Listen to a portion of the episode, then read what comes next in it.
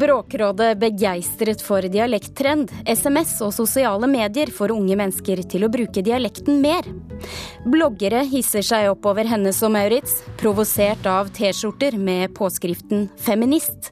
Og britiske myndigheter samarbeider med Google og Microsoft for å stoppe ulovlig nedlastning.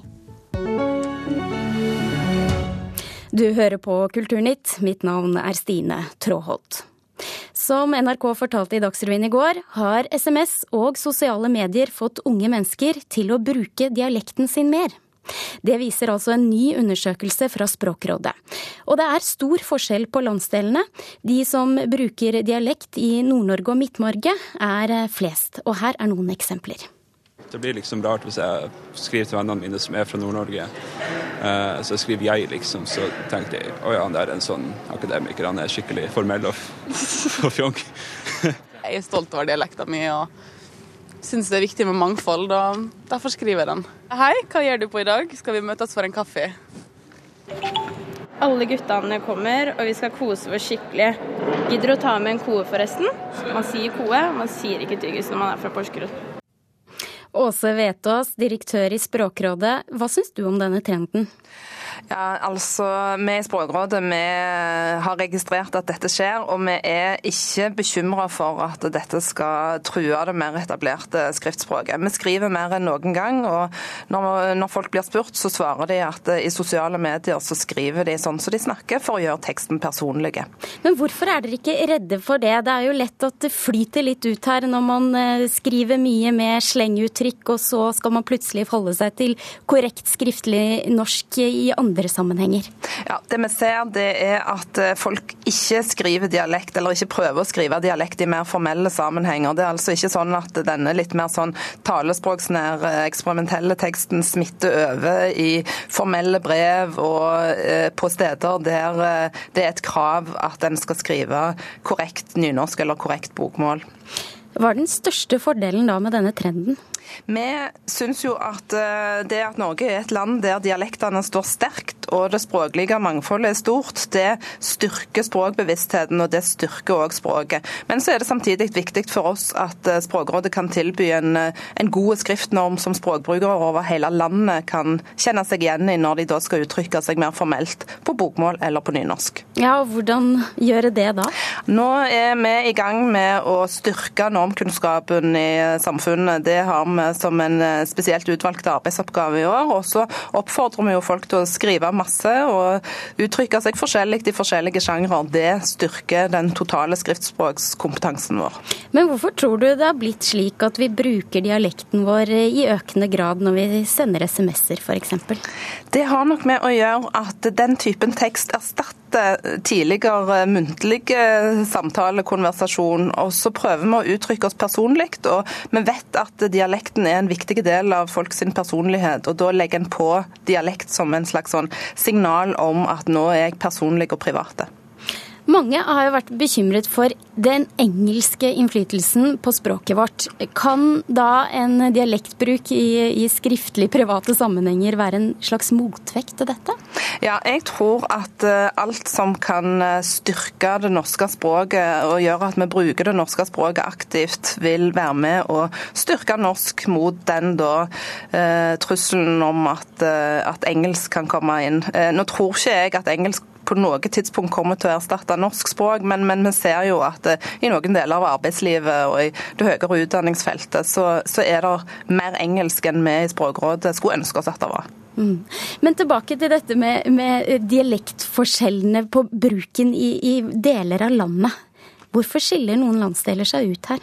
Ja, Vi ser jo at særlig Nord-Norge og Midt-Norge skiller seg ut, men òg Vestlandet. På Østlandet er det mye mindre bruk, eller responderer folk mye mindre at de bruker dialekt. Og Det har nok med å gjøre at dialekten i det sentrale østlandsområdet eh, i større grad reflekteres i bokmålet, og at eh, folk på Østlandet da bruker mer enkeltdialektord, men ikke oppfatter at de skriver dialekt på samme måten som folk i andre deler av landet. Åse Vetås, direktør i Språkrådet, takk for at du var med i Kulturnytt. Vi skal til dagens aviser. Reporter Mari Sandmalm, du har lest igjennom den. Og hva er Dagsavisens hovedoppslag på kultursiden i dag? De skriver at det nå er bestemt at den palestinske regissøren Mohammed Jabali blir sendt ut av Norge. Og Jabali har laget dokumentarfilmen 'Ambulance', som har blitt vist her på NRK. Og han må nå forlate Norge innen 6. mars. Dette har ført til store protester fra Film-Norge hvor flere reagerer på at han ikke får bli i Norge fordi myndighetene mener at han ikke har den nødvendige fagutdanningen som kreves for å jobbe som regissør. Og så skal vi til TV-serien Girls. Made my mark on this city yet. You've made so many wonderful friendships. That's not a thing. En populær serie. Mm, siste sesong, sjette, er eh, ute nå. Dagbladet har møtt en av skuespillerne i serien. Ja, og nå som serien er over og de fire hovedrolleinnehaverne da er på jobbjakt, så er det sånn at ifølge dem selv ikke det er så enkelt. Og Jemima Kirk, som spiller denne rollen som er Jessa, hun sier til Dagbladet at folk tror at hun har verden for sine føtter, men at hun ikke blir tilbudt roller i de store filmene eller TV-seriene. Og er det noe annet flere aviser har bitt seg merke i denne morgenen? Ja, det er dette bruddet mellom eh, Angelina Jolie og Brad Pitt, som vi har hørt om eh, noen ganger i løpet av den siste tiden. Eh, og nå er det BBC som har fått Jolie til å lette på sløret om bruddet. Og det hun sier, er at hun egentlig ikke vil si noe om det. Men hun sier likevel at det har vært en veldig vanskelig tid, og at hennes fokus er på barna, og at hun nå prøver å finne en vei gjennom dette.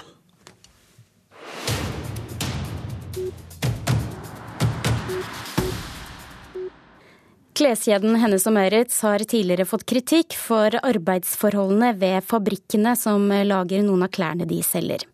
Nå har de lansert en rosa T-skjorte med påskriften 'feminist'. Og dette har fått blogger Sofie Elise og dokumentarskaperen av serien Sweatshop, om, som laget en dokumentar om forholdet ved en av selskapets fabrikker for Aftenposten TV, til å virkelig reagere. Jeg syns den som skal eie feministbegrepet, det er ikke Hennes og Maurits som selger det i butikken og tjener penger på det. Den som skal eie en feminist tittelen, det er de tekstilarbeiderne som jobber dag ut og inn for å klare å overleve. Det er de som er ordentlige feminister, og som fortjener den tittelen, ikke Hennes og Maurits i det hele tatt. Joakim Kleven hadde klipp og regi på serien Sweatshop, som ble produsert for Aftenposten sin nett-TV. Jeg blir forbanna. Jeg blir så sint at jeg rister og ikke har peiling på hva jeg skal gjøre av meg. I serien besøker de tekstilfabrikker i Kambodsja som bl.a. syr for hennes og Maurits. Kleven blir provosert når han ser T-skjorta med 'feminist' skrive over brystet. Det var eh, Sofie, min gode venninne Sofie Elise som sendte meg eh, melding om at hun hadde vært på Hennes og Maurits. Og uh, sa at hun hadde sett en T-skjorte og ble skikkelig provosert. Så når jeg fikk sett en T-skjorte, ble jeg jo også veldig provosert og lei meg, fordi det er nok et eksempel der Hennes og Maurits skal prøve å vise at eh, Pakke det inn i kampanjer og prøve å vise at de er så veldig mye bedre enn det de egentlig er. T-skjorta er sydd i Tyrkia, og nylig publiserte Fremtiden i våre hender en rapport om tekstilindustrien i landet. Her kommer det fram at de mange syriske flyktningene setter minstelønnene ved fabrikkene under press, sier fagrådgiver Karin Lefler det er en, eh, flere millioner syriske flyktninger som har kommet inn i Tyrkia. Eh, og disse har veldig veldig ofte ikke arbeidstillatelse. Eh, og har man ikke arbeidstillatelse, da har man heller ikke en arbeidskontrakt. Og da stiller man veldig svakt i forhold både til lønn og til å hevde sin rett. Og, og det gjør at de faglige rettighetene for vanlige tyrkiske tekstilarbeidere også blir svekket. Men rapporten viser også noen lyspunkt. Både Hennes og Maurits og eh, Den norske barnegruppen har søkelys på de eh, syriske tekstilarbeidernes eh, situasjon ved fabrikkene. Dessuten så har man også prøvd å beskytte de som blir oppdaget og som ikke har arbeidskontrakter eller arbeidstillatelse for å forbedre deres situasjon og, og eh, søke om arbeidstillatelse for dem. Så eh, Sånn sett er det veldig positive eh, trekk. Men eh, i det hele store bildet så er det fortsatt store, store utfordringer. Hennes og Maurits vil ikke stille til intervju i denne saka, men skriver i en e-post til NRK at det er viktig for dem at produktene deres er laga under trygge arbeidstilhøve og med tanke på miljø, helse og sikkerhet. De skriver også at de flere ganger er kåra til et av de mest ansvarlige selskapene i bransjen, og at de i 2014 fikk pris av FN for arbeidet med likestilling og for å styrke kvinner i tekstilindustrien. Reporter her Espen Alnes og Kirsti Falk Nilsen. Tone Skårdal Tobiasson, redaktør for Nice Fashion, du følger motebransjen tett. Er ideen med å sette et slikt politisk statement som påtrykk på et klesbarg unikt for Hennes og Merits? Nei, det er jo ikke det. Nå var det jo eh, Det som vakte mest oppmerksomhet på catwalken eh, for inneværende sesong, det var jo Dior som kjørte 'We should all be feminists' på T-skjorter nedover catwalken, eh, hvor den da nyutnevnte designeren Marie Grazia Chiuri som den første kvinnelige designeren hos uh, Dior, uh, gjorde dette som et statement. Uh, men hun satte det jo også i en sammenheng. Hun, hun, gjorde ikke bare det. så HM har vel tatt det litt, litt for mye ut av sammenheng. Så, så, det er nok det som har vært med på å skape denne, denne disharmonien i folks hoder. Mm. Hva slags sammenheng satte hun det i? Nei, hun eh, hadde jo bl.a. soundtracket til Beyoncé 'Flawless' med denne nigerianske forfatterens TED Talk eh, som sånn under, undertone. Men hun gjorde andre grep også. Hun, hun satte jo modellene på, i flate sko, bl.a. Som er et ekko fra da Pers bok gjorde det samme i hine håre dager. Eh, for de år. Eh, som rett og slett var et grep for å, for å si at eh, kvinner kanskje trenger klær som er godt funksjonelle, ikke bare utspjåkende. Mm. Og at norske kvinner kanskje hadde noe å lære verden i vår tilnærming til klær. At vi kler oss for, eh, for, å kunne bevege oss, for å være aktive osv. Mm. mm. Men eh, hvis disse T-skjortene er laget da under trygge arbeidsforhold med hensyn til helse og miljø og sikkerhet for de som arbeider der, eh, da kan det jo ikke være så ille? Altså, HM eh, har, har, jo svart på den tiltalen eh, som ble lest opp her. Eh, og HM tar dette absolutt på alvor. Men, men, det er noe helt annet som, som, er mer problematisk her, som ikke blir, blir på samme måte angrepet. Og det er jo at de representerer et motsystem hvor kundene aldri er fornøyd. Hvor man hele tiden må kjøpe noe nytt for å, å henge med i, i stroppene og i svingene osv. Uh, eh, og det er jo det som, som først og fremst uh, er kritikk, kritikkverdig. Uh, fordi at det er rett og slett et system som, som står for fall. Altså, og der er jo ikke hennes eh, Det er jo mange kjeder eh, som eh, tilbyr rimelige klær, og de er ikke her til å svare for seg nå, for å si det sånn. Men mm. er denne trenden med et politisk statement på klær i ferd med å ta over til andre også kjeder? Ja, altså, Vi ser det på, på mange fronter. Altså, dette med en sånn statement på, på T-skjorten, det er tydeligvis det som uh, veldig mange uh, skal, skal satse på nå fremover. Og det er jo uh, resirkulering av trend atter en gang. Catherine Hamnett var kanskje den som vi husker best for dette. Med 'Save the World' og 'No More Fashion Victims' i store blokkbokstaver på brystet. Eh, men eh, ja, altså atter, atter en gang noe å slå mynt på, sånn at man kan eh, få ut flest mulig T-skjorter. Hvilket jeg ville anta at de fleste har nok av i skuffen allerede. Tone Skårdal Tobiassen, takk for at du var med i Kulturnytt. Du hører altså på Kulturnytt, og klokka er nå 18 minutter over åtte, og dette er nyhetsoverskriftene nå.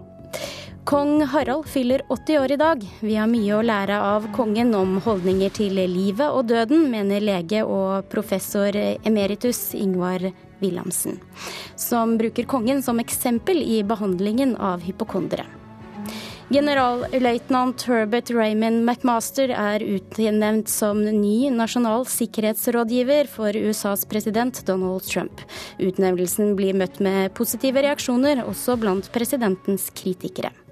Og nå vil NAF reparere bilen din. Bilistenes interesseorganisasjon starter en landsomfattende verkstedskjede, men møter kritikk fra Norges Bilbransjeforbund, som mener at dette er rolleblanding.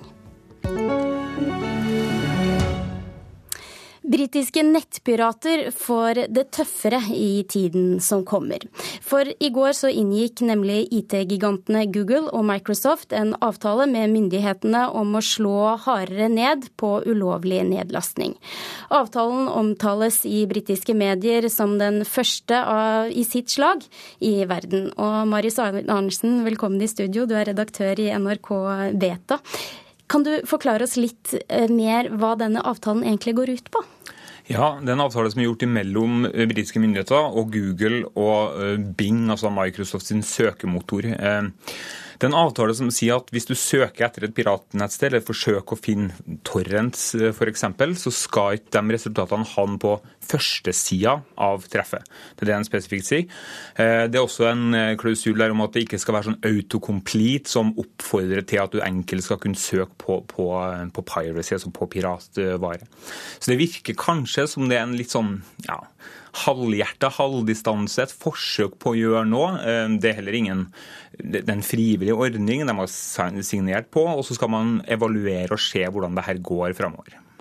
Hva, hva, skulle til da for at dette virkelig skulle hjelpe, tenker du? Ja, du svarer på det. um, nei, det er vanskelig å, å, å, tror jeg da, å bygge murer rundt og forby uh, piratvirksomhet. Den er der. Det er mange skoler i den retningen her. Uh, jeg tror i hvert fall ikke det at å prøve å hindre folk å få tak i, er den beste måten å gå. Vi har sett strømmetjenester som vi kjenner godt i Norge, vokse fram og, som, og ta deler av piratmarkedet på en, på en annen måte enn det å, å, prøve å forby og stenge folk ut. Da. Men hva tror du er grunnen til at akkurat britiske myndigheter nå har bestemt seg for å ta tak for dette? Ja, Det, det er nok ikke akkurat nå. Dette er en kamp som har foregått lenge mellom britiske rettighetshavere, eller store rettighetshavere. og der er rettighetshavere i USA og Storbritannia i en særstilling. De har gått på Google og på Bing, Microsofts søketjeneste, for de skjønner at dette er en, en, en enkel i hvert fall en ensretta måte vi kan forsøke å få stengt ned søkene på. Eh, vi snakka om det her i 2013. Eh, da fikk Google 500 000 eh, forespørsler eller requests hver dag om å ta ned URL-er. Så dette er ikke nytt. Og så er det drevet av de store markedene for popkultur. For en måneds tid siden så hadde vi en sak her i Kulturnytt eh, hvor Piratpartiet i, Norge gikk rundt og sa at eh, folk trenger ikke å laste ned film eh, og musikk ulovlig lenger, fordi strømmetjenestene har blitt så gode. Er det unikt for Norge at det ikke er så stort problem med ulovlig nedlastning, som da Piratpartiet selv hevder her? Vi er nok en særstilling i, i, i, Norge og i Vesten og kanskje i Nord-Europa om at vi har gode strømmetjenester og har relativt god råd. Når det kommer til uh, hvor stort problem ulovlig nedlastning er internasjonalt, så er det dårlige tall på det. Det er få undersøkelser. Det er vanskelig å rett og slett få en oversikt over hvor stort problemet er. Uh, I forbindelse med denne saken i Storbritannia så ser man at tallene fra myndighetenes egne undersøkelser der viser at uh, piratkopiering har gått tilbake 3% fra 18 til 15% av internettbrukere Eh, på det siste året. Og hvis det er representabelt for resten av ja, i hvert fall Europa, så er det jo en, en nedgang, men fortsatt et, et, for så vidt et problem. Hvilke sider er det nå som eh, man skaper størst utfordringer på dette planet? Hvilken nettsider? Mm. Eh, nå er det fortsatt en del gamle travere som er der. Eh, den største sånn, eh, hendelsen i fjor var egentlig at noen tok ned stor nettside som heter Kickass Torrents, som på en måte vokser fram litt i sånn skyggen av Pirate Bay. Pirate Bay er der fortsatt. Den er blokka på sånn ISP-nivå i Norge. Har den vært et par år. Og så vokser det fram nye tjenester. ser vi Her er en sånn katt og mus-lek mm. mellom hackere og piratkopierere, og, og myndigheter og for så vidt teknologiselskaper som Microsoft og, og, og Google. Så aktiviteten fortsetter sånn som den har gjort den før. Det popper opp, og så legges det ned, og så fortsetter det sånn. Det ja. gjør det absolutt. Og så ser man nye tjenester som Popcorn Time, man ser nå strømmetjenester. Dusinvis av tjenester hvor det tidligere var lettere å laste ned, kanskje, fordi da hadde vi lavere internettforbindelser. Er det nå kommet strømmetjenester som strømmer populære både filmer og TV-serier i relativt god kvalitet. Marius Arnesen, redaktør i NRK Beto, tusen takk. Rema-gründer Odd Reitan vil ikke lenger gi 50 millioner kroner i støtte til en opprustning av Torvet i Trondheim. Årsaken er bl.a. at prosjektet har tatt svært lang tid, og at kommunikasjonen mellom partene ikke har vært god nok. I stedet så har han bestemt seg for å dele pengegaven i to, gi 25 millioner til det nye torvet og 25 millioner for å få realisert Hjertepromenaden, som er hans egen idé. Jeg er veldig opptatt av å få, få i gang denne eh, hjertepromenaden. Kanskje er det med på å sette litt fortgang i det, hvis jeg øremerker 25 av de 50 til Hjertepromenaden. Det var høsten 2010 at Odd Reitan i brev til ordfører Rita Ottevik lova å bidra med 50 millioner kroner til nye torvet. Lite har skjedd på de snart sju årene, og han er ikke imponert over saksgangen. Nei, men altså, men, men jeg, jeg, er jo ikke noen politiker, så jeg vet jo ikke jeg, synes, jeg er jo alltid en utålmodig mann, så jeg syns det her skulle vært ferdig for lenge siden. Men eh, når det ikke er det, da, så er det ikke noe å gjøre med. Og da har jeg også forstått på kommunen som at de gjerne nå vil få litt fortgang på det. Og det er jo hyggelig. Det har jo vært litt trist noen år, jeg må jo si det. I kommunens planer for nye torvet ligger det en forutsetning om at eksterne skal bidra med 50 millioner kroner i prosjektet.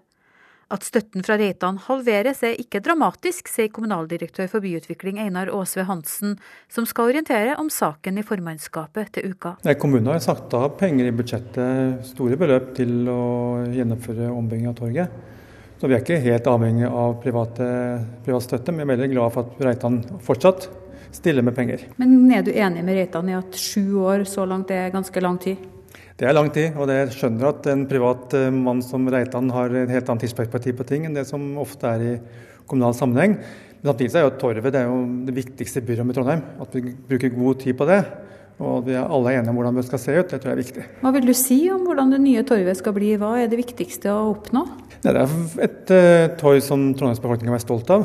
Og det, det, vil det bli. Det blir et torg som kan brukes for eh, store anledninger og på hverdagsliv. Det vil være godt rom for uteservering, men også for de som sitter på torvet bare koser seg og ser på folkelivet.